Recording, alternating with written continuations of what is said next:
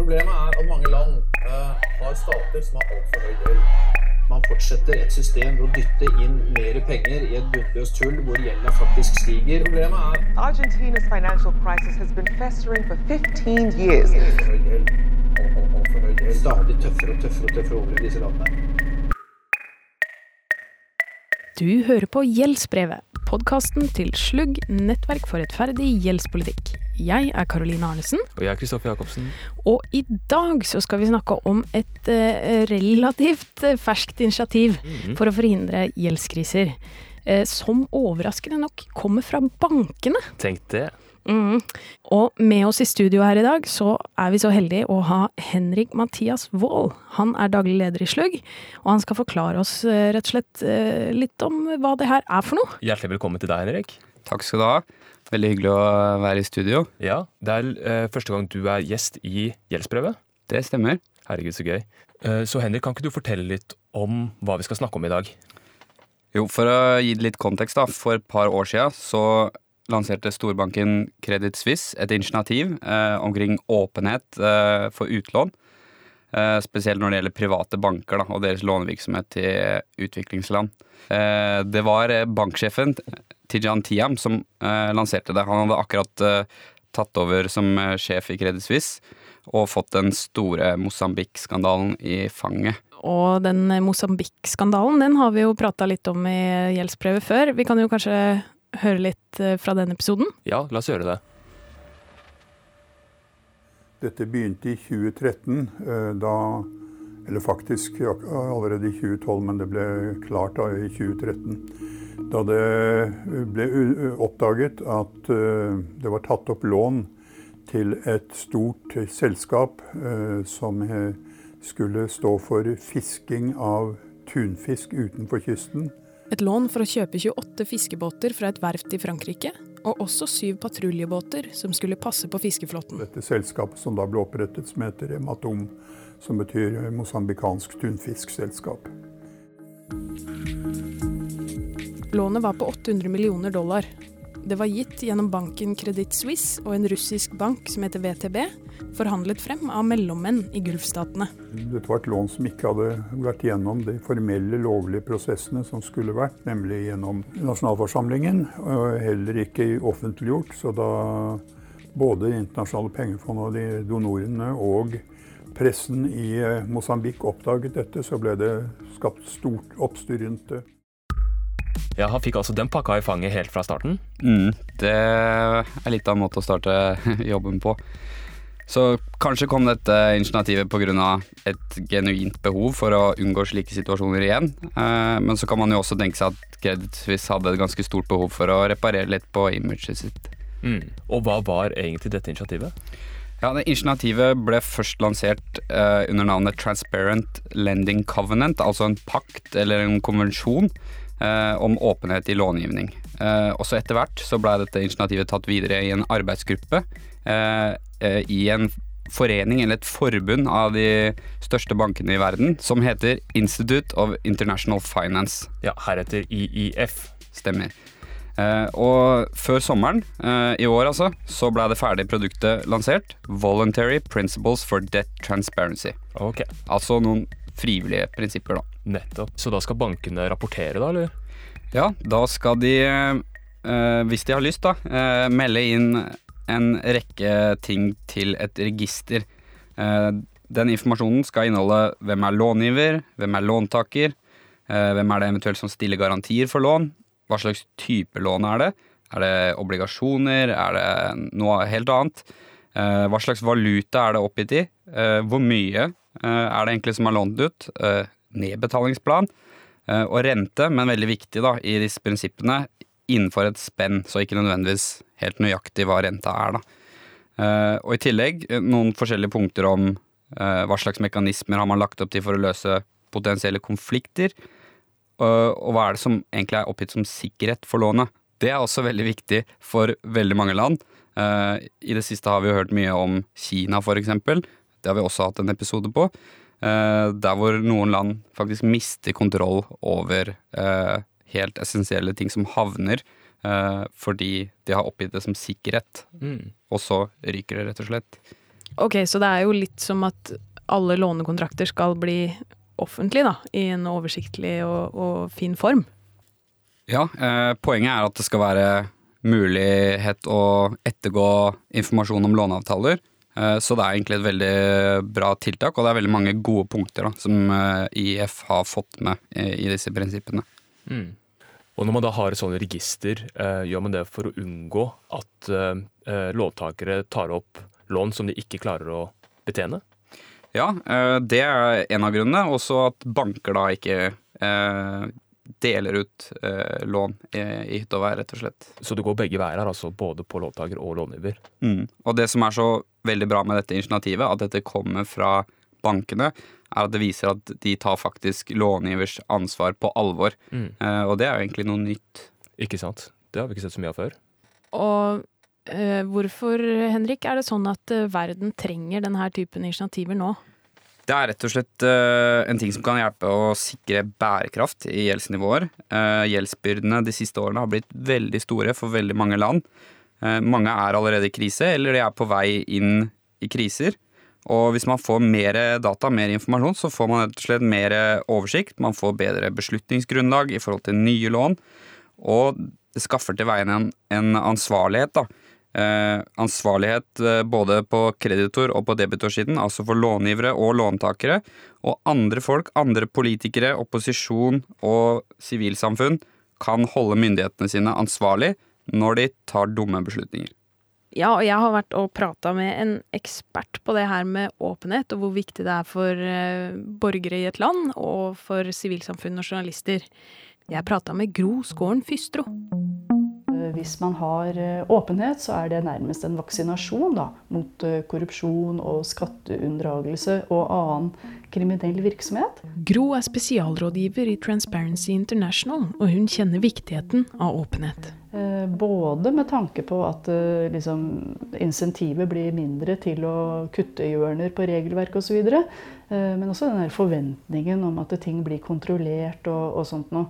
Så både gjennom kontroll så vil man oppdage ting, men særlig dette forebyggende aspektet. Da, at det ikke blir liksom så attraktivt å øh, bryte reglene. Da. Gro forteller at det er viktig med åpenhet for begge parter. Åpenhet kan rett og slett bidra til å sikre gjeldsbærekraft, og ikke minst vil et land sin gjeldssituasjon sterkt påvirke landets evne til å oppnå FNs bærekraftsmål. Jeg spør om det er vanlig at banker er opptatt av bærekraft, og ikke bare rask profitt. Hvis man tenker eh, litt sånn politisk korrekt og fornuftig, så er det vel ingen banker og ingen andre som vil si at man ikke er for denne åpenheten. Det er liksom det nye mantraet. Man er for åpenhet, men det er jo nettopp også fordi at man som, hvis man skal ta et ordentlig samfunnsansvar, som jo er viktig også for finansinstitusjonene, så er den åpenheten helt nødvendig og riktig. Det at retningslinjene er frivillige, er kanskje ikke helt optimalt, sier Gro. Men det betyr ikke at det ikke er en veldig god start. Eh, Det er klart at man skulle jo ønske seg mer forpliktende avtaler. Det ønsker man jo alltid. Men eh, i den virkelige verden så må vi ofte ta til takke med at eh, det perfekte ikke er det vi får, og at man må forsøke å manøvrere det farvannet. Sånn er det jo med all politikk. Og jeg tenker dette er jo et veldig viktig skritt i riktig retning. Da, at man har disse frivillige eh, prinsippene. Og vi har jo sett eksempler på andre eh, områder, politiske områder, hvor frivillighet er det det starter med, og så utvikler dette seg kanskje til om, om ikke blir forpliktende, i alle fall til noe som eh, andre land, eh, eller de fleste land, slutter seg til. Sivilsamfunn, altså organisasjoner og engasjerte borgere, må være på banen og bli inkludert i arbeidet med retningslinjene. Det er jo detaljene som er viktige bestandig med tanke på liksom hvordan dette skal fungere i praksis. Og det er jo det sivile samfunnet som kanskje sitter tettest på liksom, hva er konsekvensene av eh, lån for et land. Og spesielt hvis man kommer i en gjeldskrise og er utsatt for disse hemmelige lånene som har ført eh, et land inn i konkurs. Men hvilke krav burde sivilsamfunnet sette til denne informasjonen som nå skal oppgis når en bank gir et lån til en stat? Ja, altså Vi trekker jo alltid våre anbefalinger så langt som mulig i en retning hvor det er åpent, tilgjengelig, gratis og lett å finne. ikke sant? Altså Man trenger ikke å være finansekspert for å finne tall på ting. Ok, så åpenhet er viktig for å sikre gjeldsbærekraft, og informasjonen må være tilgjengelig og forståelig. Men hva syns egentlig bankfolk om det her, da? Eh, det er jo litt i tiden. Eh, det man erfarte ved eh, finanskrisen i 2008, var at mange av finansinstitusjonene som hadde litt sånn der lurvete praksis, også tapte penger. Og tapte så mye penger at de gikk utover skattebetalerne. Dette er Jan Andreassen, og jeg er sjeføkonom i Eika-gruppen. Jan skal hjelpe meg å forstå hva bankene tenker om å være åpne. Og så viser det seg at de banker som driver med høyetisk eh, virksomhet, ofte tjener veldig gode penger over tid. For de har høy tillit hos eh, allmenne publikum og hos myndigheter og i lånemarkeder. Det er jo ikke akkurat åpenhet man forbinder med bankvirksomhet. Han forteller at disse nye retningslinjene er en del av en trend vi kan kalle ESG-bølgen. ESG står for Environmental, Social og Governance, og er en samlebetegnelse for en bevegelse man ser i finansverden, hvor bankene blir mer og mer opptatt av samfunnsansvaret sitt og av bærekraft. Så jeg, jeg tror mye av den drivkraften fra bankene, er at det er lønnsomt å være høyetisk. Og myndighetene at de vil gjerne slippe masse tap.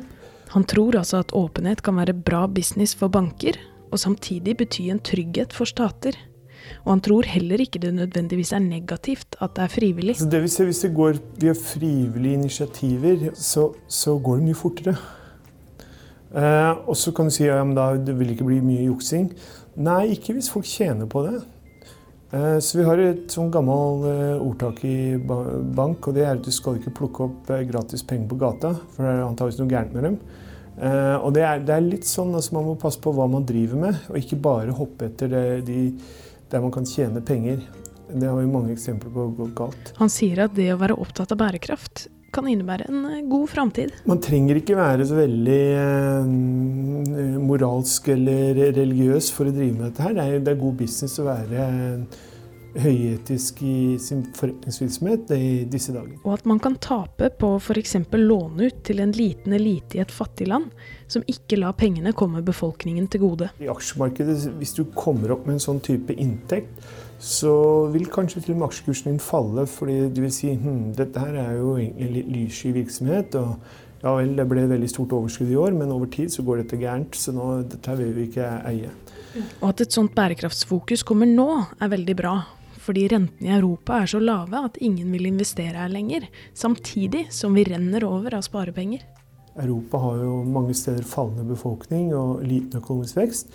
I Afrika ligger gjerne den økonomiske veksten på over 5% per år. Ja. Så bankene tvinges i større grad til å plassere pengene utenfor Europa. Og det kan passe godt med at framvoksende økonomier har behov for å låne penger til utbygging. Men de store bankene tvinges mer og mer til det, for det er ikke nok eh, fornuftige ting å gjøre med pengene i Europa. Ja.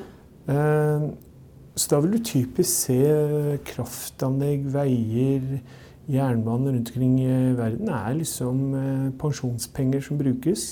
Veldig mye av verdens infrastruktur bygges nå av pensjonspenger, altså sparepenger, sluset gjennom private institusjoner. Carl Karl Marx sa jo sånn som at eh, folket bør eie kapitalen.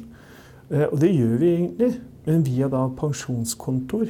Og når det er vanlige folks sparepenger, så ønsker man å sikre seg at det er gjort på en etisk måte. Jan forteller at mange av de ESG-relaterte initiativene kommer fordi kundene ønsker det. Så du og jeg ville ikke ha eh, pensjonspengene våre brukt til uærlige formål, selv om vi fikk litt høyere avkastning. Og hvis det kom fram at en eller annen eh, pensjonsleverandør drev på med sånt, så ville han miste tusenvis av kunder eh, over natta. Mm. Så så eh, jeg tror det er sånn bred basis av, eh, av eh,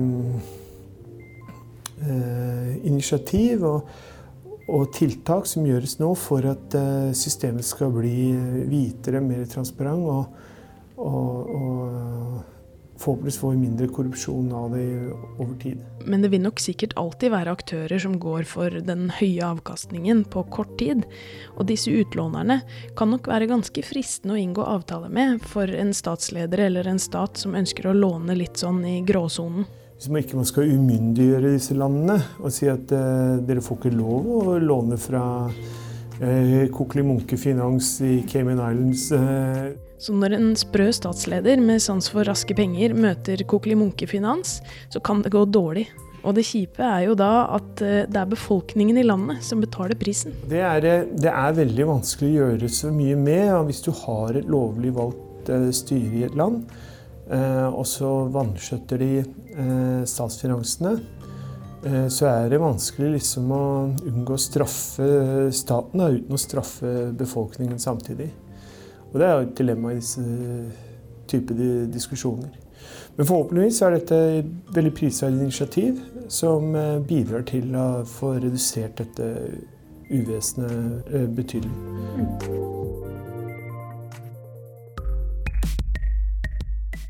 Men Henrik, alt det der høres jo veldig bra ut, gjør det ikke det? Jo, i utgangspunktet så er det veldig bra. Eh, sivilsamfunnet har tatt uh, godt imot uh, dette initiativet. Det er behov for nye initiativ, for vi går mot dårligere tider og det trengs å gjøres noe. Men det er fortsatt mulig å gjøre det bedre.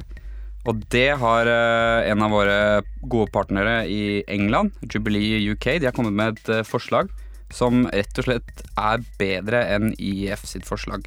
Så hva er de største forskjellene på de to forslagene da? Det er to veldig viktige forskjeller. Eh, det første det dreier seg om tidsramma for registrering av lånene. I IEF-forslaget så er det satt 60 til 120 dager, men først etter at pengene har begynt å flytte på seg. Da, da tidsfristen eh, begynner å løpe. Så da kan man risikere at man får informasjonen for seint, da? Sånn at man ikke får uh, sjekka og kontrollert at uh, gjelda er bærekraftig?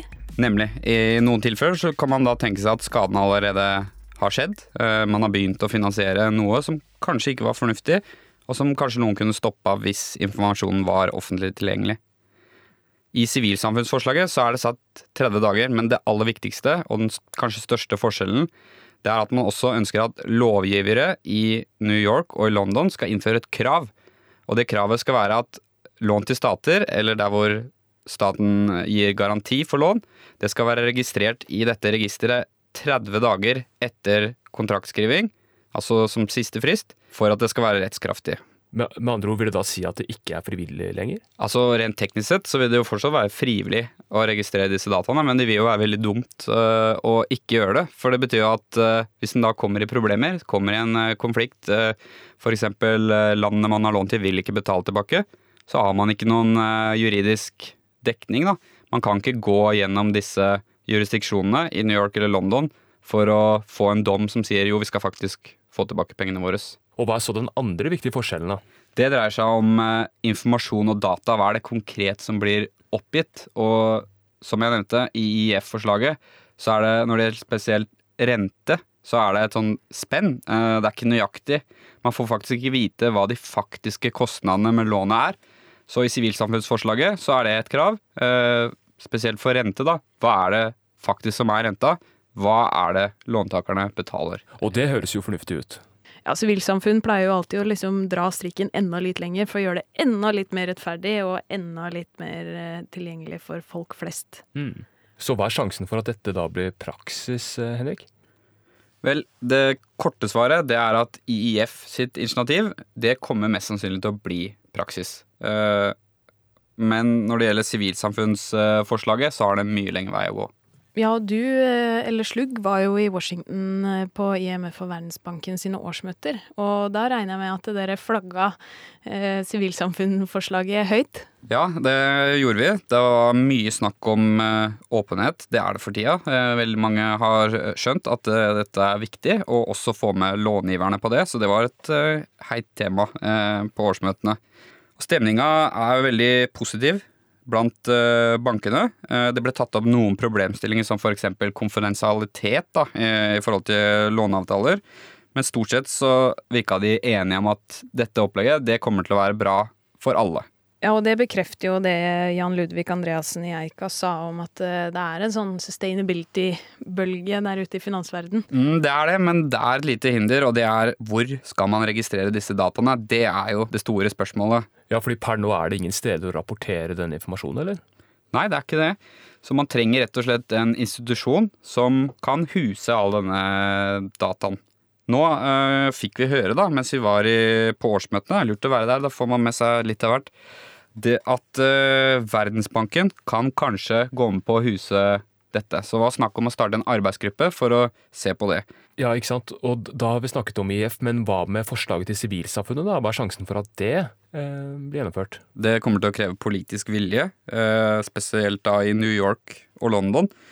Jubilee UK de har klart å få med over 50 representanter i det britiske parlamentet til å støtte dette forslaget fra sivilsamfunnet, på tvers av partier. Eh, så forhåpentligvis er det noen flere da, som etter hvert skjønner at nå må vi faktisk sette alle kluter til for å unngå gjeldskriser i framtida. Ja, for du har trua, Henrik, på at dette kan bidra til å forhindre gjeldskriser? Ja, eh, dette kommer til å være én av mange viktige grep. Nå er det jo sånn at veldig mange land allerede sliter med store gjeldsbyrder, eh, og mange land er allerede i krise. Så dette må man jo gjøre noe med uansett. Men når det gjelder fremtidige gjeldsbyrder, så er dette en av de viktigste grepene som man kan gjøre nå. Mer informasjon gjør at man kan ta bedre beslutninger. Og det gjør også at eh, så lenge denne informasjonen er offentlig tilgjengelig, så kan man holde folk som tar dårlige beslutninger, til ansvar. Fy søren, så spennende episode, Kristoffer. Utrolig spennende. Det er så og gøy at det er bankene som har kommet med dette initiativet. Hvem skulle trodd? Altså den, den bærekraftsbølgen. Vi rir eh, gjerne på den, vi. Vi rir gjerne på den, og vi, vi håper jo da at det faktisk gir ringvirkninger eh, i det virkelige livet òg. At det ikke kun blir et fint papir. Mm, så fort man finner et hjem for denne informasjonen, så får bankene bare begynne å rapportere. Og så skal vi som sivilsamfunn følge med. Det skal vi absolutt gjøre. Vi må også gi en stor takk til Henrik Wold, til Gro Skåren Fystro og til Jan Ludvig Andreassen, som også var med oss i denne episoden av Gjeldsbrevet. Ja, det har vært mange interessante samtaler. Også må du som lytter eh, følge med på slugg.no for eh, mer informasjon. Mhm. Og flere episoder av Gjeldsbrevet ligger da ute, der hvor du finner podcaster. Yes. Og følg Slugg på Facebook og Twitter, og abonner på nyhetsbrevet. Der, der faller jo gjeldsbrevet rett inn i innboksen din. Det gjør det absolutt.